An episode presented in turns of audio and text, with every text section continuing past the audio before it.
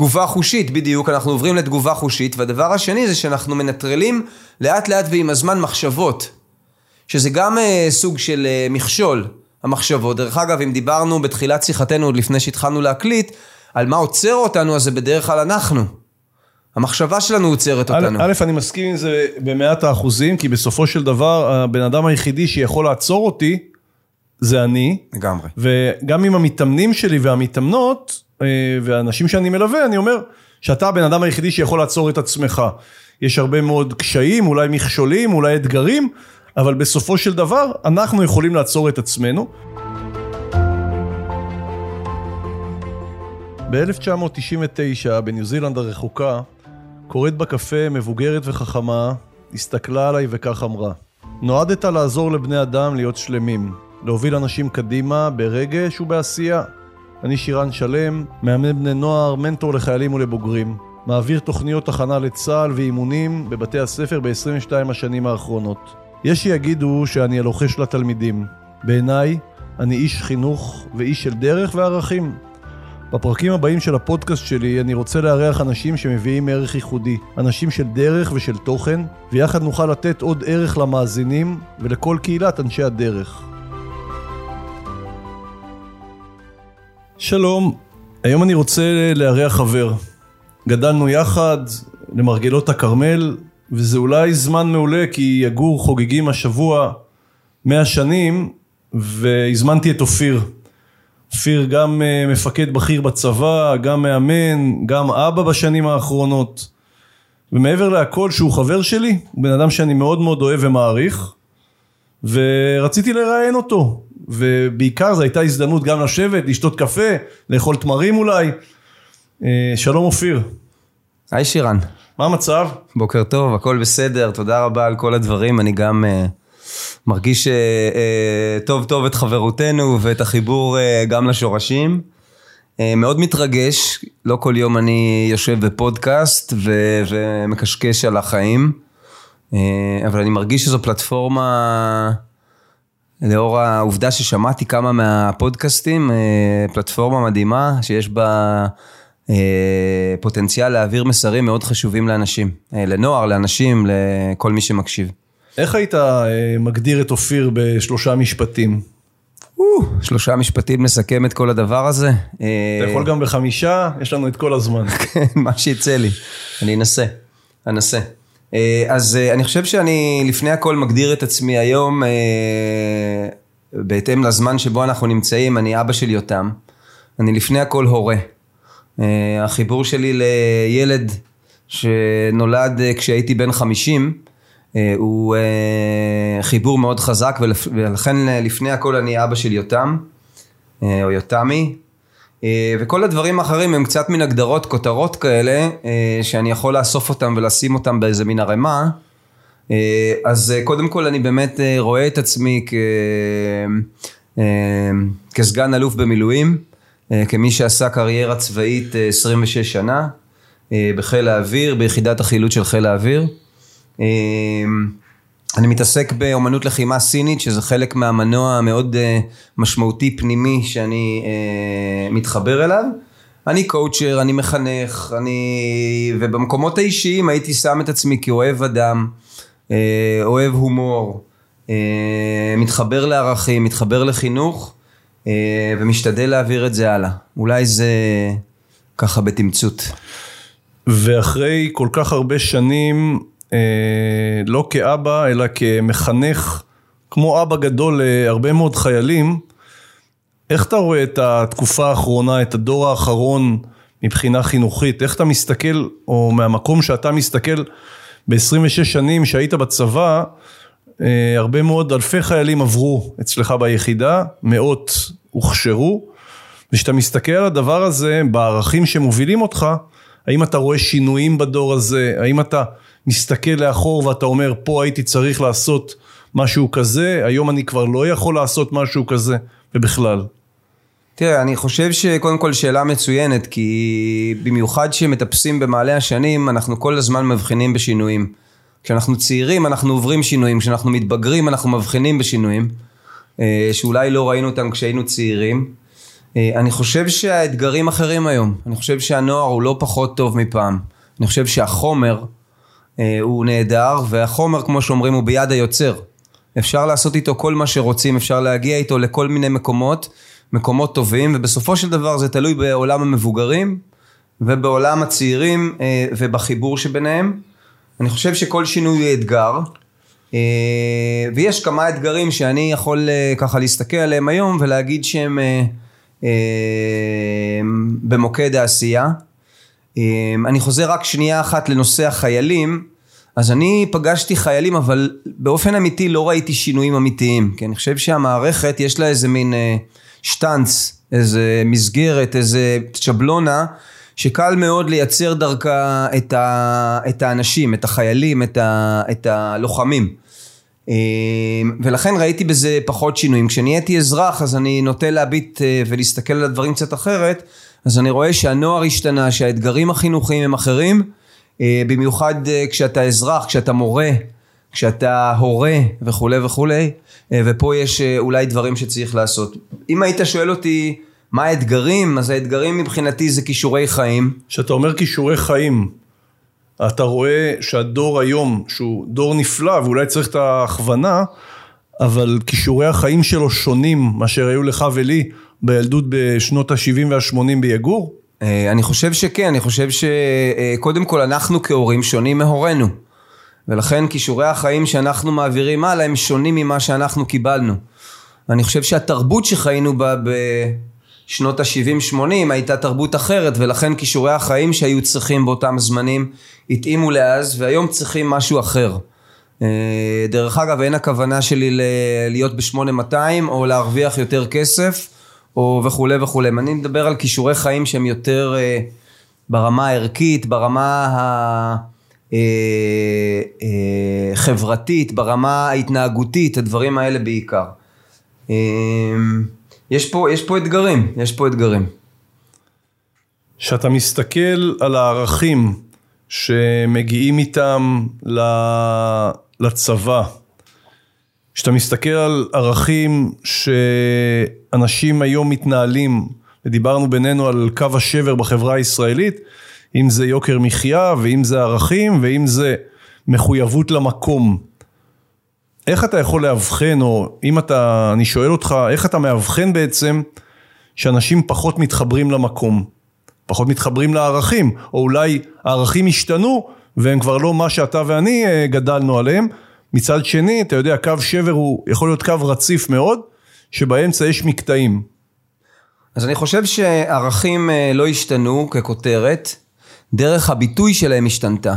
זאת אומרת, אה, כשאנחנו צריכים להסביר לנער אה, ערך, אנחנו צריכים להביא דוגמאות מהחיים שלו. החיים שלנו כבר לא רלוונטיים, והדוגמאות שלנו מפעם גם הם לא רלוונטיים. אה, או רלוונטיות, ולצורך העניין צריך אה, לנסות ולהמחיש את אותם ערכים שהם באמת ערכי יסוד אה, דרך דוגמאות שהנוער היום יבין. אימנתי בחור צעיר לפני גיוס, לפני בערך שנה, ואני חושב שאחד מהדברים שעברנו בתהליך האמון זה לנסות לזהות את הערכים שחשובים לו, ואת האופן שבו הם באים לידי ביטוי ביומיום. כדי בעצם לייצר אצלו סוג של תרגול על אותם ערכים. אה, אבל זה לחלוטין אינם, אה, אינן דרכי ביטוי כמו שאני אה, מתרגם את אותם ערכים. זה כן, משהו אבל... חדש ו- ועדכני. אני כמאמן תמיד שואל את עצמי, איך אני יכול למצוא את הערכים עם המתאמנים שלי? זאת אומרת, איפה זה יכול לבוא לידי ביטוי, דרך איזה שאלות. ואני חושב שאולי זה סוד האימון היום, למצוא את הערכים, כי לאור הערכים ברגע שנער, נערה, או חייל או חיילת שבאים להתאמן, מזהים מה הערכים שלהם, יותר קל להם להתמודד עם הקשיים. נכון. זאת אומרת, אני, אני בכלל חושב שערכים זה מנוע. בעצם. למה, למה אתה מתכוון? אני מתכוון שהערכים שלנו הם המנוע שלנו לכל פעולה שאנחנו עושים. הרי מה זה ערך? זה, זה, זה הבסיס, זה הבסיס אה, ההתנהגותי שלנו. זה המקום שממנו אנחנו בוחרים. נכון, אבל... כשאנחנו בוחרים, אה, סתם אני אומר, ללכת ברחוב ולהרים אה, פחית שתייה ולשים אותה בפח, זה ערך, זה מנוע. למה שנתכופף? למה שנרים? למה שנניח בפח? זה מגיע מתוך איזשהו ערך שחשוב לנו, כמו, לא משנה, איכות הסביבה, אה, סליחה, או אה, הסביבה שלנו, או הניקיון, או וכולי וכולי, סתם דוגמה נכון, אבל קטנה כשאתה, וטיפשית. אני אחזור אה, שוב ל- לקריירה הצבאית שלך, ושאתה מגיע לצבא, אז הכל כמעט נעשה מ- מכורח הפקודה. וה- ומכורח אה, אחריי של המפקד, שזה גם כן סוג של ערך. והיום, בני נוער אומרים, תגיד, מה יצא לי מזה? ושאתה עובד איתם ושאתה נתקל איתם, ואני דווקא רוצה לקחת את זה לאמנות לחימה. כי היות שאני אה, מכיר את האומנויות לחימה שלך ואני עוקב ואני רואה ואני מאוד מאוד אוהב את מה שאני רואה, איך אתה רואה את הביטוי של הערכים באים לידי ביטוי באומנויות לחימה? כי לכאורה יגיד ילד למה אני צריך לבוא אל אופיר או אל המאסטר הזה והזה כדי ללמוד משהו שאולי אני לא אפיק ממנו משהו. טוב, זו שאלה פשוטה ותשובה יותר מסובכת, אה, יותר מורכבת, כי אני חושב שהנוער היום, אה, או בכלל אנשים מחפשים אה, סיפוקים מיידיים. וכמעט כל דבר שאנחנו עושים בנוי על סיפוקים מיידיים, כמו למשל, אני מלמד אותך תרגיל ואתה יודע לעשות אותו. בהמשך הדרך, התרגיל נהיה סוג של מיומנות, והכוונה שאתה תאהב לעשות את המיומנות הזאת, זאת אומרת שהגוף שלך יאהב לעשות אותה, אתה פתאום מצליח, לצורך העניין, אתה יודע, יש לי איזה סיפור מהונג קונג. אה, אני, כשהשתחררתי מהצבא, אז אה, הסתובבתי בכל העולם, נסעתי כמעט 40 פעם לחו"ל, בשלוש השנים הראשונות אה, לשחרור שלי, והגעתי, מצאתי את עצמי בהונג קונג אצל איזה מאסטר. והוא רצה להראות לי, להדגים לי את מה שנקרא one inch punch. עכשיו, one inch punch, מה זה one inch punch? בעיני המתבונן זה אגרוף שנותנים אותו במרחק של חמישה סנטימטר, והוא מייצר, אה, ויש לו כוח. עכשיו, אתה ואני, אם ניתן אגרוף מהמרחק הזה, לא נייצר שום אפקט. בסדר? האיש הזה אה, הדגים לי שתיים, שלוש פעמים אגרוף ממרחק של חמישה סנטימטר, ובאגרוף השלישי או הרביעי, נהדפתי כמעט חמישה מטר אחורה ונטרקתי על הקיר. ואגרוף שיצא מחמישה סנטימטר. ואני חושב שזה אולי אה, מבחין בצורה מספיק טובה או אה, מעניינת את היכולת שלנו אה, למה יוצא לי מזה, או, או מה בעצם יוצא לי, אה, מה זה מייצר. זאת אומרת, מה שזה מייצר ברמה הראשונה זה לדעת לתת אגרוף, אבל ברמה השנייה זה מלמד אותי לעבוד נכון עם הגוף שלי. זה מלמד אותי לייצר אה, אנרגיה שהיא בלתי נתפסת. זה מלמד אותי, זה נותן לי סוג של כוחות שלא זיהיתי או לא ידעתי שנמצאים בתוכי, ואני חושב שזה, דרך אגב, בעולמות הווינג צ'ון או הקונג פו שאני עושה, זה חלק מההרפתקה. אתה מגלה פתאום עד כמה אתה הרבה יותר חזק ממה שאתה חש... חושב או מסוגל. מה שאני, לחשוב, מה, ש. מה שאני שומע ממך זה א', שאתה איש של דרך, זאת אומרת, אם אני מחבר את זה לפרק הראשון של הפודקאסט שהקלטתי, את החשיבות של הדרך. אתה בעצם אומר לי, שמע, אני לוקח אדם מסוים ואני מעביר אותו דרך. בתחילת הדרך אני מלמד אותו, אחר כך את הדרך הוא עושה בעצמו. אבל הוא לא יכול ללמוד תרגיל וישר לדעת אותו באותה אה, רמת עוצמה או אינטנסיביות כמו שהוא יעשה אותה בסוף אה, ארבעה חודשים, חמיש... חיים שלמים. ומצד שני, גם בתור מפקד בצבא, ואני חוזר לזה, אתה מעביר חייל דרך, חייל עושה מסלול. ואני חושב שהיום, בעיקר כמו שאמרת קודם, ואני מחבר מאוד למה שאמרת, הם רוצים תוצאות מיידיות. אין סבלנות, זאת אומרת שאם אתה אומר היום למתאמן שלך, אם אתה אומר לחייל, שמע, אתה צריך לעשות דרך, אתה צריך להשקיע שנתיים במסלול, לחתום קבע שלוש שנים, הוא כבר מסתכל עליך ואומר, וואלה, לא בטוח שזה מקדם אותי או שזה אה, עובד לפי הערכים שלי, ומצד שני, אתה אומר, וואלה, אבל אולי אני מפסיד פה בן אדם שהוא בן אדם איכותי. אז איך אתה מדייק לו את הערך שלו אל מול הערך שלך? אה, תראה, קודם כל, אני חושב ששוב, האתגר אה, בצבא היום הוא אתגר אה, שהוא קצת אחר, ואני חושב שצריך לזהות את הערכים ביחד. אני חושב שכשהייתי צעיר לא ידעתי לעשות את זה טוב. או, לכן אני שואל, היום כמאמן שוב, וכמנטור, וגם כאבא, כי אתה יודע, בסופו של דבר יותם מסתכל עליך ואומר, ככה אני רוצה להיות. אנחנו המודל שהם מסתכלים עליו אם נרצה או לא נרצה. אז אני חושב שאתה קודם כל נוגע ב, ב, ב, באחד הערכים החשובים ביותר שאני מקדש, וזה דוגמה אישית. אני חושב שאחד מהדברים אה, שהיה תמיד לנגד עיניי ולא ידעתי לעשות אותו מספיק מדויק, זה העניין של דוגמה אישית.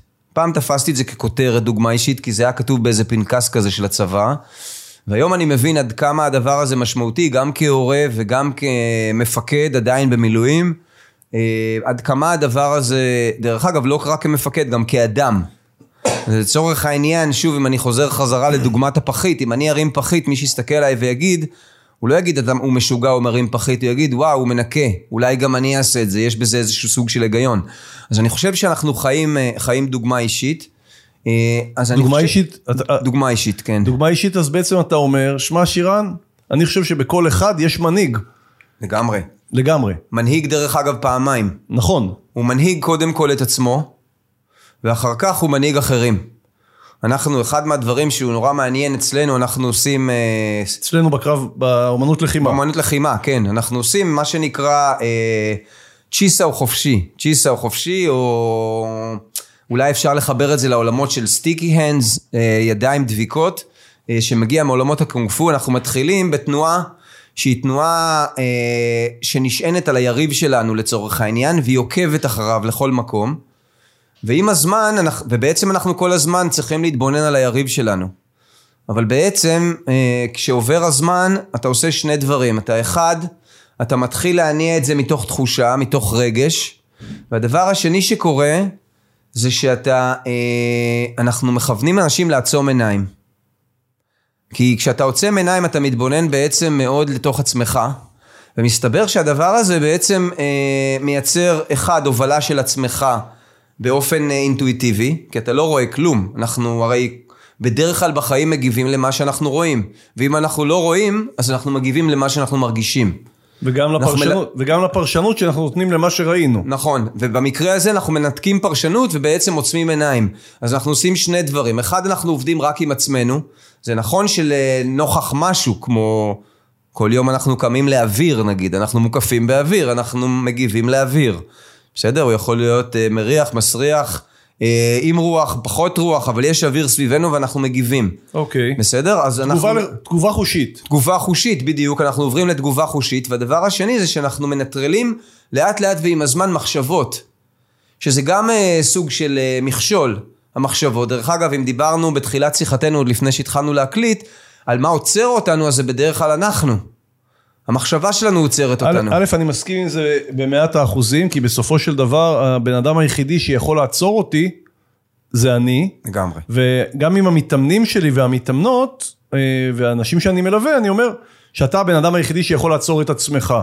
יש הרבה מאוד קשיים, אולי מכשולים, אולי אתגרים, אבל בסופו של דבר, אנחנו יכולים לעצור את עצמנו. ואם אתה עכשיו בא, לצורך העניין, אני מזמין אותך לערב הורים. מה תגיד להורים, על איזה ערכים תדבר איתם, שבגינם הילד יבוא או להתאמן אצלך, שלושה ערכים, או להתאמן אצלך, או להתאמן באומנות הלחימה, שאתה המנכ"ל של האיגוד הזה. אז אני חושב שאני אגע בשלושה דברים שהם, אה, ושוב, לא רשמתי בשום מקום, אלא אני רק חושב על זה ככה אינטואיטיבית, זה הכי כיף. לגמרי. אני חושב שהדבר הראשון שאני אנסה... דרך אה, אגב, אני אעצור אותך שנייה, כן. בדרך כלל האינטואיטיבי זה מה שנקרא אה, שאלה קופצת, ואז בדרך כלל התשובה הראשונה שעולה לך היא התשובה המדויקת. זאת אומרת, שאני שואל ילד, מה מפריע לך בשיעור, הוא לא יחשב יותר מדי פעמים. הוא ישר יגיד, החבר לידי, או הדפיקה של הלוח עם העט. וזה מנטרל את כל רעשי הרקע שאני חושב, ואז מדייק לי במה אני צריך לטפל. כן, זה סוג של מיינדפולנס נכון, במידה מסוימת. זה נכון. לצורך העניין להיות במקום שבו אתה נמצא. נכון מאוד. אה, וזה דרך אגב האתגר הכי גדול של אנשים, זה להיות במקום שהם נמצאים. ושוב, חזרה לשאלה שלך, כי קל מאוד... אה, לברוח למקומות אחרים. אה, היינו יושבים עכשיו אצלך בחצר וכנראה משוחחים למוות, אה, אבל אה, ככה אם אני אנסה למקד שלושה דברים, אחד אני אגיד אה, שיש פה ארגון, אה, ואני לא עושה פרסומת, אני, אה, אבל בסך הכל מנסה להגיד שיש פה ארגון חברתי, יש פה קבוצה. זה כמו תנועת נוער. זאת אומרת שייכות. שייכות, שייכות דרך אגב לא רק שייכות, שייכות לאיכות. זאת אומרת, אם הייתי לוקח הרבה פעמים מקומות אחרים שמתעסקים באומנויות לחימה או בהגנה עצמית, הרבה פעמים מי שמוצא את עצמו שם זה אנשים שהם קצת אלימים, שהם רוצים להוציא אגרסיות. אה, אצלנו אנחנו מוצאים הרבה מאוד אנשים שהם יותר אנשים שמחפשים אה, דרך חיים, או שמחפשים שלווה, או שמחפשים את הדרך להגן על עצמם. דרך אגב, אני תמיד אומר, הגנה עצמית היא קודם כל הגנה עצמית, מעצמך. אנחנו לא מגנים מהסביבה. רוב ההתקפות הם אה, אם אתה תדע להתנהג. כמו שרוב התאונות זה אם אתה תדע להתנהג על הכביש, מי שעשה נהיגה מונעת, בעוונותיי עשיתי אחת כזאת, אז אתה לומד שכל התאונות תלויות אך ורק בך. גם הגנה עצמית, לרוב התוצאות תלויות אך ורק בך. ולכן אנחנו מלמדים הגנה עצמית. אז אני חוזר חזרה למה שאמרתי, אנחנו נותנים ארגון שהוא בעצם ארגון גם חברתי, אבל שהוא גם אה, שייכות למקום איכותי. אוקיי. Okay. אה, אז זה הדבר הראשון. הדבר השני זה שאנחנו בעצם נותנים כלים לחיים.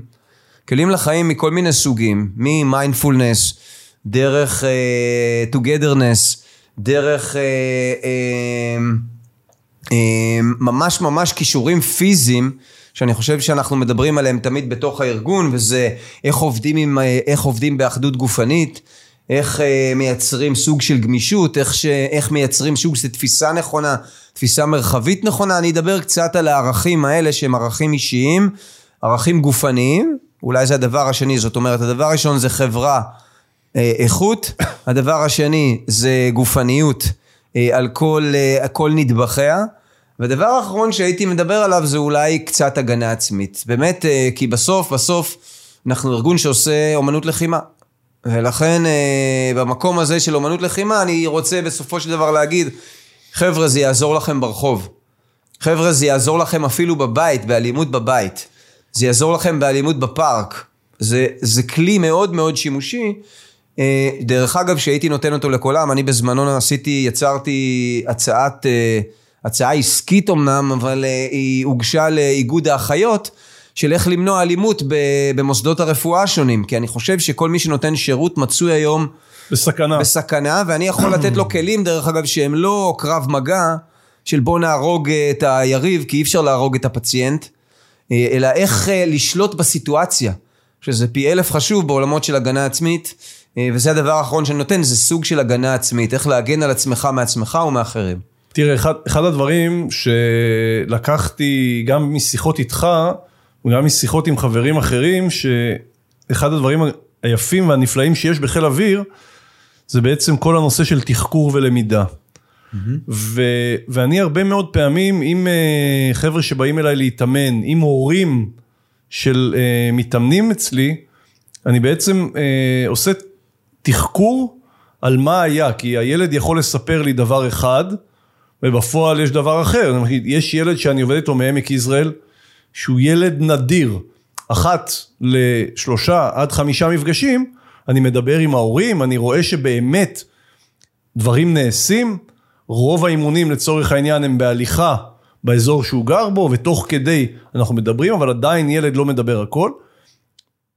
עם ההורים יוצאים גם דברים אחרים, אז יש איזשהו סוג במרכאות של תחקור, אני לומד מה נעשה ומתקדם קדימה. אותו דבר בהרצאה, אני למשל הרבה מאוד פעמים שואל את עצמי שאלות איך היה בהרצאה, אם הייתי יכול להגיב ככה או אחרת, וגם עם בני נוער שאני מלווה, או שבאים אליי, ואני אומר בוא נראה רגע מקרים לאחור. האם במקרה לאחור, האם הייתי נוהג ככה או אחרת? אני מוכן תמיד לקבל ביקורת, בסופו של דבר אני זה שמחליט לאן אני לוקח אותה, על ביקורת גם אני אדבר באחד הפרקים הבאים שאני אקליט, אבל באופן כללי, אני חושב שתחקור ולמידה, שהם אחד מהדברים המרכזיים בחיל האוויר, והלוואי וייכנסו לעוד הרבה מאוד מקומות, אנחנו יכולים רק להיות הגרסה הכי טובה שלנו, באם באמת למדנו מה, אה, מהתחקיר משהו. ואני שואל את עצמי, עד כמה אתה רואה את זה לצורך העניין גם בקרב מגע, ואתה יודע מה? גם אם יותם. קונג פו, קונג פו, לא קרב מגע. אוקיי, קונג פו. חלילה, חלילה. ווינגסון. כן. באמנות הלחימה, אני לא מתמצא בשמות, כן. אה, וגם אתה רואה את זה בתור אבא עם אה, יותם. אני חושב שתחקור חסר, אה, הוא תמיד היה חסר.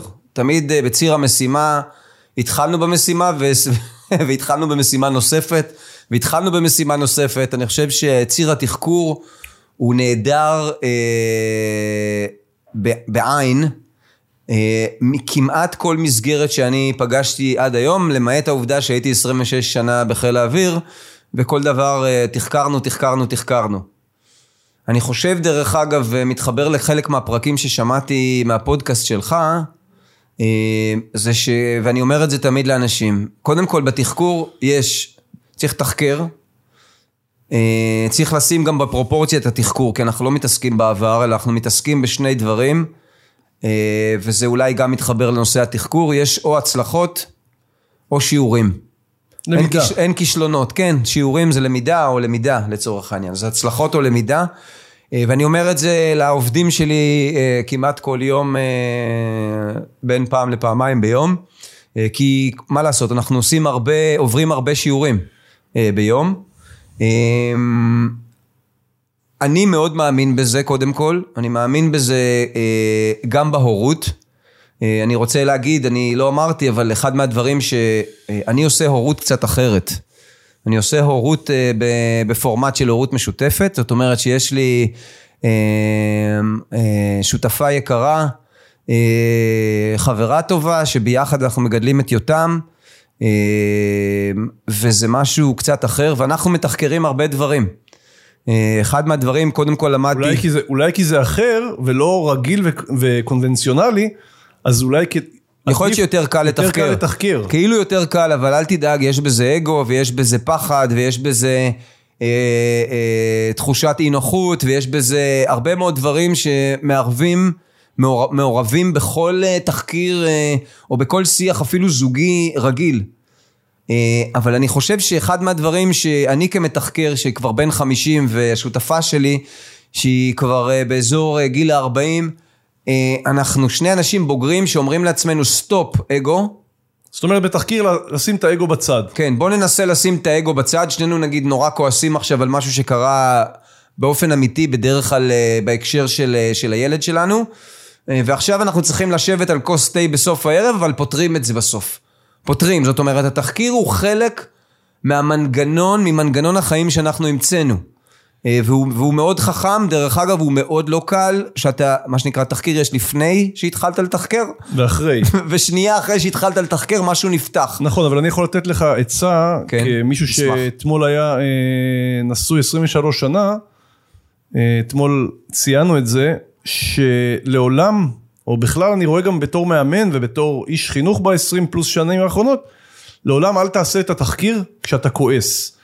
זאת אומרת, אחד הדברים שאני אומר להורים, ועצה שאפשר לקחת מהפודקאסט הזה, זה בסדר לכעוס על הילד, זה בסדר להציב לו גבול, זה בסדר להעיר לו, אבל לא כשאנחנו כועסים.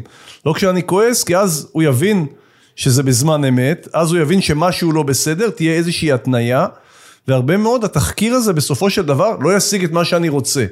זאת אומרת, אם הילד עכשיו הגיע בשתיים לפנות בוקר מסטול כולו, ואני מתחיל לשאול אותו, איפה היית, מה עשית, כמה זה, בעיניי מיותר לגמרי. לא יעבוד. לא יעבוד.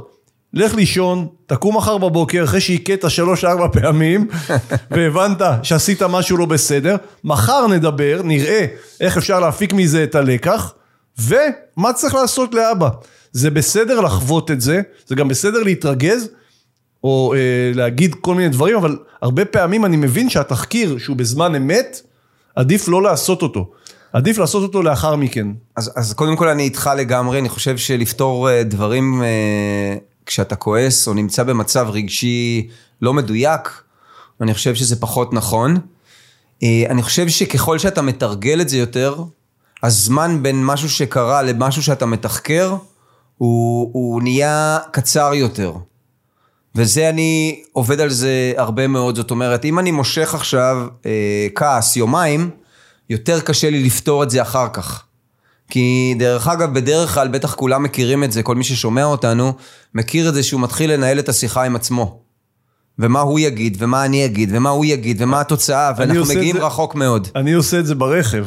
יש לי הרבה מאוד שעות ברכב, אני מדבר על עצמי, ואז מישהו בצד חושב, בואנה, הבן אדם ירד מהמסלול. לא, ירדנו מהפסים לגמרי, ולכן אני אומר שככל שאתה מקצר את הזמן, אני גם אומר תמיד, ככל שאתה מוציא את זה יותר מהר, זה שוקע פחות עמוק.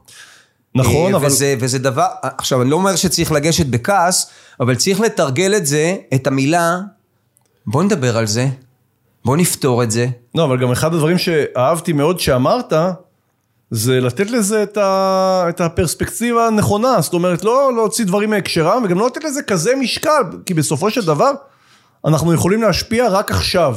רוב האנשים מתמקדים או בעבר לגמרי, או בעתיד. לגמרי. המקום היחידי שאני יכול להשפיע בו, וזה גם אני מנסה להעביר לחבר'ה שבאים אליי להתאמן, והלוואי גם שמישהו ייקח את זה מהפודקאסט, שמה? שזה, שהדבר עכשיו, הנקודה שאני יכול להשפיע בה, היא כרגע. והתחקיר הוא נוגע לכרגע, איך אני אפעל בעתיד, אבל זה לא יכול לשנות את העבר. ו, ולגבי העבר, אני, עולה לי שאלה, למרות שאנחנו מכירים הרבה מאוד שנים, ומכירים הרבה מאוד אנשים, איזה אנשים, או איש שאתה, שהערכת, ובעקבות תחקיר, או בעקבות כל מיני דברים שעשית, הבנת את ההשפעה שהייתה לו על החיים שלך, את הגדולה שלו, ו... והוא הולך איתך לאורך כל הדרך. תראה, אנחנו, אז קודם כל, אה, זה, זה מצחיק, כשעושים פודקאסט, אז יש לי מה לענות על, או להוסיף אה, על כל שלושה דברים שאמרת עכשיו ברצף. שזה זה פודקאסט. אבל נתייחס רק לסוף. אה, כן, אז אני אומר שאני חושב שאחד האנשים שהשפיעו עליי בצורה מאוד משמעותית, ואני חושב שאולי זה גם כי פגשתי את זה בגיל מאוד משמעותי בחיי, לא שכל... מה שנקרא, כמו שאומרים, איזה קילומטר הכי משמעותי בנסיעה, זה שאתה נמצא בו. אה, אז אני, אז, אז, אז גם חיי היום מאוד משמעותיים, אבל אז זאת הייתה תקופה אה, משמעותית שהייתי אה, מפקד צעיר בן 24 בצבא, ואיפשהו נרקמה חברות מאוד טובה עם, עם בחור צעיר, צעיר ממני בשנה, סרן ניר פורז. אה, שהיה חבר טוב, אה, שדרך אגב פגשתי אותו אה, רק בקורס הקצינים ונהיינו חברים הכי טובים וגרנו בדירת שותפים ברמת השרון. אז אני חושב שהחברות שלנו הייתה איזה עוגן שינוי מאוד משמעותי לדמותי. אני אגיד לדברים הטובים וגם לדברים הפחות טובים. אני חושב שבדברים הטובים למדתי אה, בדרך הזאת אה, אה, על שקט, למדתי על שיחה, למדתי על אה, חברות, למדתי על אה, דוגמה אישית, למדתי המון דברים מהחברות הזאת, דרך אגב רק בפרספקטיבה של זמן, של זמן אני יכול אה, להתבונן. מן הצד השני אני תמיד חושב לעצמי, ואולי זה לא ספת הפסיכולוג פה, אבל שהעובדה שעשיתי ילד רק בגיל 50, אה, קשורה לעובדה שאולי במידה מסוימת אה, לא הבנתי איך אפשר לאבד ילד. זאת אומרת, התבוננתי במשפחה של ניר, התבוננתי בקשר שהיה לו עם, ההורים שלו, עם המשפחה שלו, ובמידה מסוימת הרגשתי איזשהו אובדן שהוא מאוד גדול, אה, ולא הצלחתי מעולם עד גיל 50, או לא הסתייע, או לא הבאתי את עצמי למקום שבו יצרתי ילד.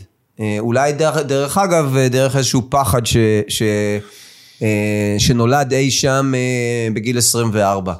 אז אני חושב שהדמות הזאת של ניר הייתה מאוד משמעותית, אני עד היום מחובר למשפחתו של ניר, משפחתי שלי באופן אמיתי. אז אני חושב שהיא דמות, שהוא דמות מאוד משמעותית. דרך אגב, הסיפור ה... אתם יודעים, זה הכל אה, גורל, אבל הסיפור אה, הוא שאני וניר שהיינו שותפים באותה דירה ועשינו מלא מלא דברים ביחד בסופי שבוע, הוא היה כמובן קצין בסיירת מטכ"ל, אני הייתי קצין ב-669, אז אני רוצה להגיד שגם במותו נפגשנו ואני יצאתי להזנקה לחילוץ אה, לוחמים מבית בביר נבאללה. וניר היה אחד ממפקדי הכוחות שנהרג בביר נבאללה ומצאנו את עצמנו באותה סיטואציה קרבית. אה, גם נפגשים, אז כך שמה שנקרא, אם אה, אלוהים מצוי בפרטים הקטנים, אז אה, עד הפרט הכי קטן חברותנו נרקמה, וזה כמובן השפיע מאוד על חיי, וזה כמובן חלק מסיפור חיי המאוד משמעותי עד היום.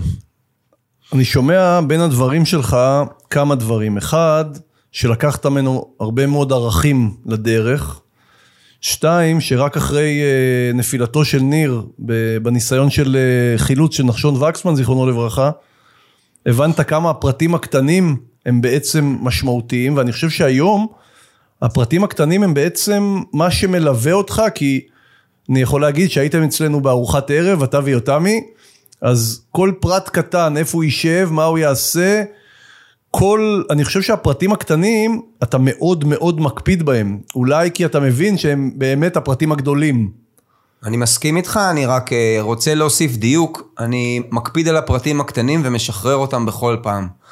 שזה משהו שהוא, לפחות מבחינתי, אני בעבר הייתי מקפיד על הפרטים הקטנים, ומוסיף להם עוד מילה מתעקש על הפרטים הקטנים. וזה בלתי נסבל, זה בלתי נסבל הסביבה שאתה נמצא בה. הייתי, קראו לי בצבא אופיר המחמיר. הייתי נוגע בכל פרט, הייתי מקפיד אותו עליו ומסיים אותו עד הסוף, גם אם מסביב אנשים היו נפגעים. אני חושב שהיום הגעתי למסקנה, אה, וזה אולי סוג של agility, או התאמה לסביבה שבה אתה נמצא, או סוג של גמישות. או התבגרות. התבגרות, כן, אבל ההתבגרות שלנו מביאה אותנו לסוג של גמישות. אני נאחז בפרט הקטן, ואני שואל את עצמי, רלוונטי, לא רלוונטי, שם אותו בצד. רלוונטי, לא רלוונטי, שם אותו בצד. כי הרבה מהפרטים הקטנים הם, הם כמו שאני הרבה פעמים מצייר באימונים שלי וגם לעובדים שלי, זה כמו הסלע הזה באמצע הנהר, שאתה מתעקש להזיז, אבל אתה אף פעם לא מגיע לים. אם תרצה אה, להזיז את הסלע, תעבור מימין ומשמאל ותגיע לים, כי זו המטרה שלך. אם תנסה להזיז את הפרט הקטן ותנסה להזיז ותנסה להזיז, תישאר תמיד מאחוריו.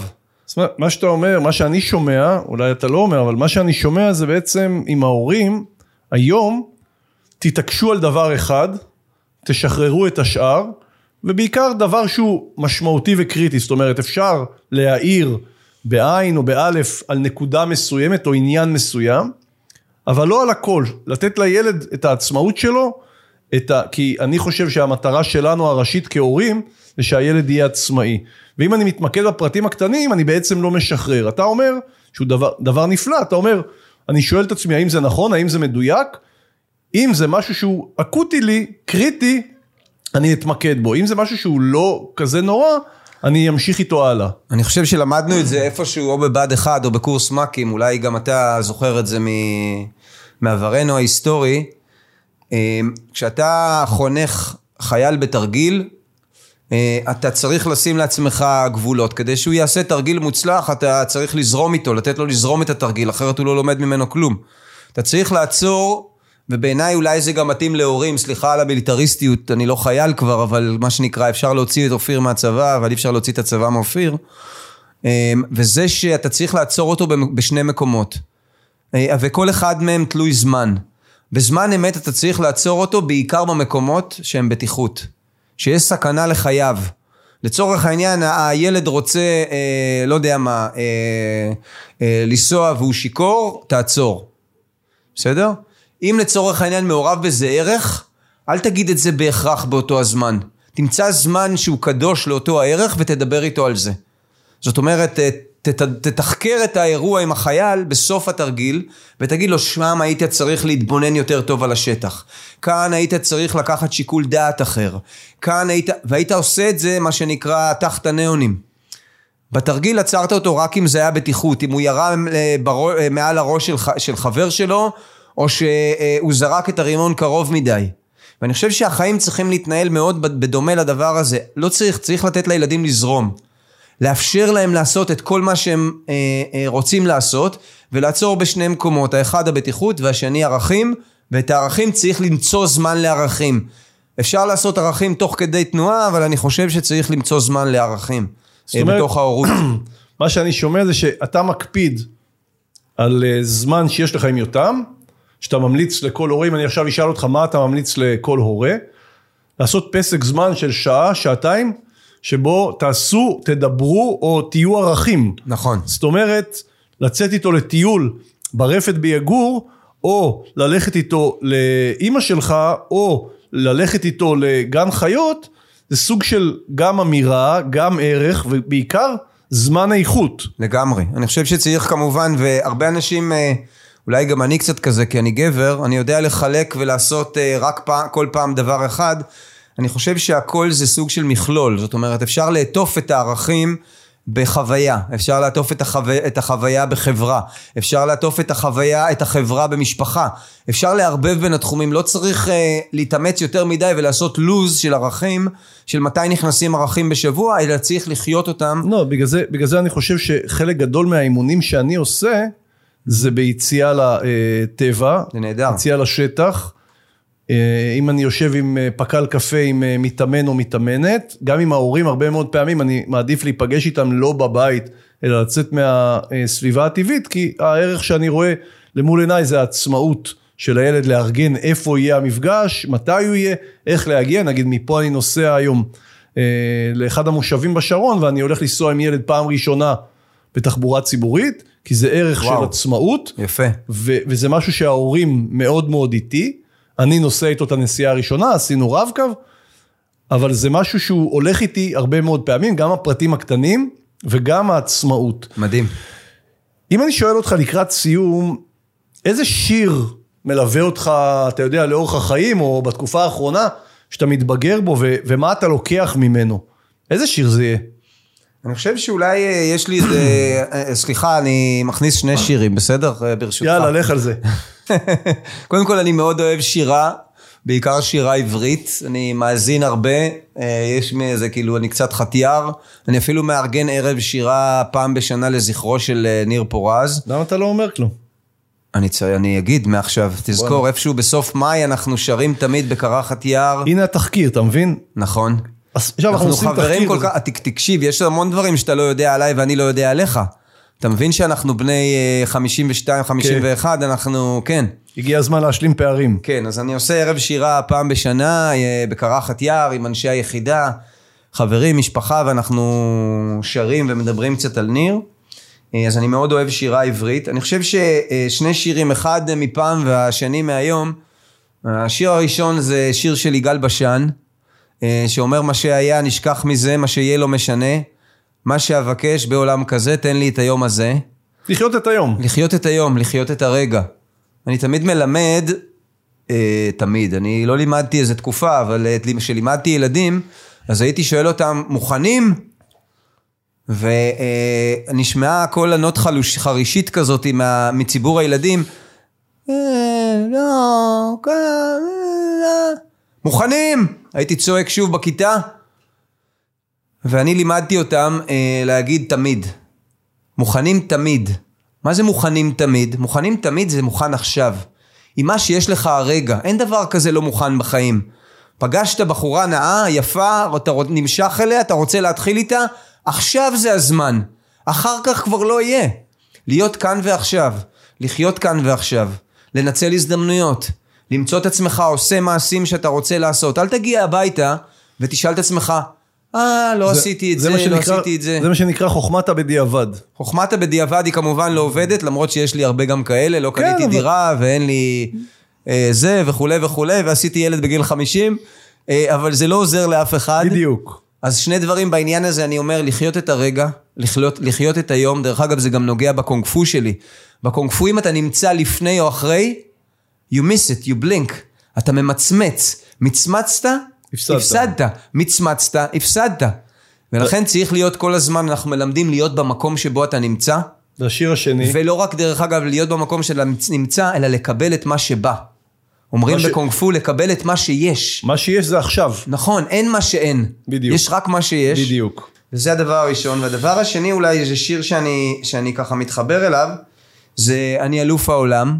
שזה שיר קצת אולי מהשנים האחרונות, שעברתי עם עצמי בשלוש שנים האחרונות אה, הרבה מאוד אה, גלגולים פנימיים סביב הולדתו של יותם, שינוי הסטטוס, אה, הרגל של להתחיל לחיות עם מישהי בסוג של קשר הורי מאוד מאוד מורכב, עם הרבה תהפוכות, ואני חושב שאני אלוף העולם בליפול ולקום, הוא חלק ממה שאני חי אותו.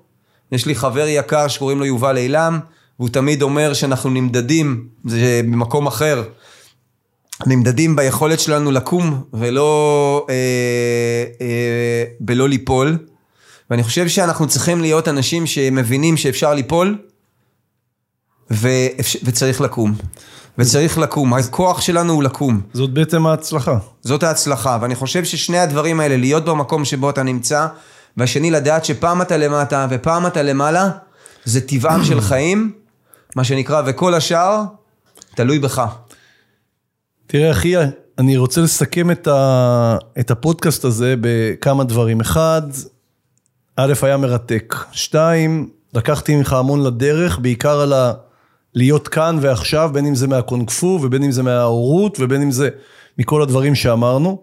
הזיכרון של ניר פורז, זיכרונו לברכה, שהפרטים הקטנים נמצאים גם שגרת איתו בדירה וגם שחילצת אחר כך את אה, גופתו לאחר מותו. ואני חושב שהיינו יכולים להיפגש ככה מעבר למרפסת אצלי, אה, או בגינה, ופשוט היה לי מרתק, ואני רוצה להגיד לך תודה רבה. נהניתי מאוד, זה נגמר נורא מהר. ולהיפגש בחגיגות המאה בשבוע הבא. נכון. יאללה, תודה רבה. תודה לך. להתראות.